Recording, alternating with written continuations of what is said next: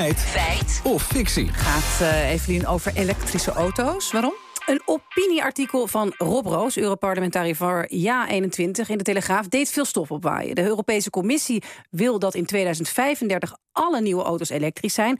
Maar Roos noemt deze elektrificatie een nachtmerrie en volstrekt onhaalbaar. En ook valt de duurzaamheidswinst volgens hem vies tegen. Hij zegt. Door hun batterij zijn elektrische auto's zo'n 40% zwaarder dan auto's met een verbrandingsmotor. De banden en remmen van een elektrische auto produceren daardoor veel meer schadelijke deeltjes dan een conventionele auto. Nou, dat, dat is iets moois om te gaan checken. E-, eerst dan maar eens, is een elektrische auto echt zoveel zwaarder dan een benzineauto of een dieselauto? We hebben gevraagd aan Paul de Waal van de BOVAG. Ze zijn zwaarder, de motor is, is lichter, simpeler. Batterij uh, komt erbij, dat is al gauw 400 kilo.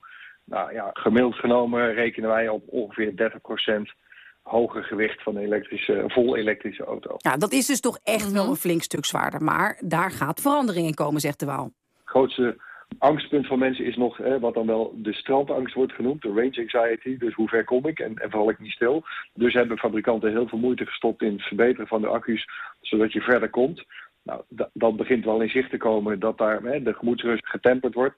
Dus er zal de winst die geboekt wordt in de ontwikkeling nu gestopt gaan worden in uh, het reduceren van het gewicht. Ja, de vraag is natuurlijk hoe snel gaat dat? Hè? Hoe snel worden elektrische auto's dan lichter? Nou, we hebben gevraagd met Auke Hoekstra, onderzoeker elektrisch rijden aan de TU Eindhoven. En hij zegt dat er rondom die accupakketten heel veel innovatie is. Accupakketten worden elke tien jaar ongeveer half zo zwaar door de bank genomen. En er komt ook nog een keer bij dat de aandrijflijn, de elektrische motor, veel lichter is dan de brandstofmotor. En die twee ontwikkelingen samen zorgen ervoor dat die elektrische auto echt lichter wordt dan een gewone brandstofmotor. Hij verwacht dat voor 2030 elektrische auto's dus al lichter zijn dan andere auto's. Oké, dat argument de prullenbak in. Uh, hoe, hoe, zit het dan met de uitstoot van fijnstof door de banden? Hè? Dat zei hij ook. En de remmen? Nou, Paul de Waal zegt de banden van elektrische auto's slijten harder. Dus daardoor komen er iets meer rubberdeeltjes in de lucht in. Maar daartegenover staat juist dat je bij een elektrische auto je remmen haast niet hoeft te gebruiken.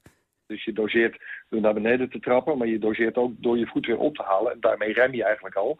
En daar, daar komen de remschijven, de remblokken eigenlijk uh, voor, voor het grootste gedeelte helemaal niet uh, bij te pas. Dus je stoot minder remstof, dus minder fijnstof uit bij het remmen.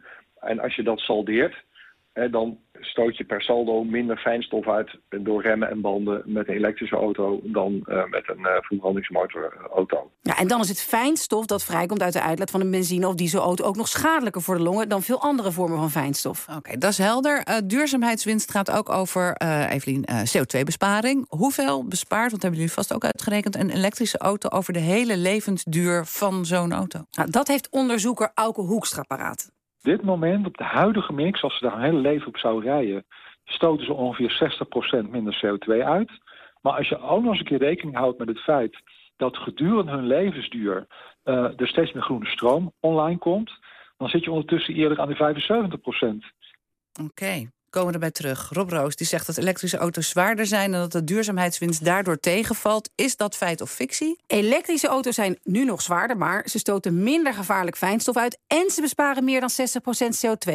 Ja, dat is toch echt forse winst. Dus de bewering van Roos is overduidelijk fictie. Nou.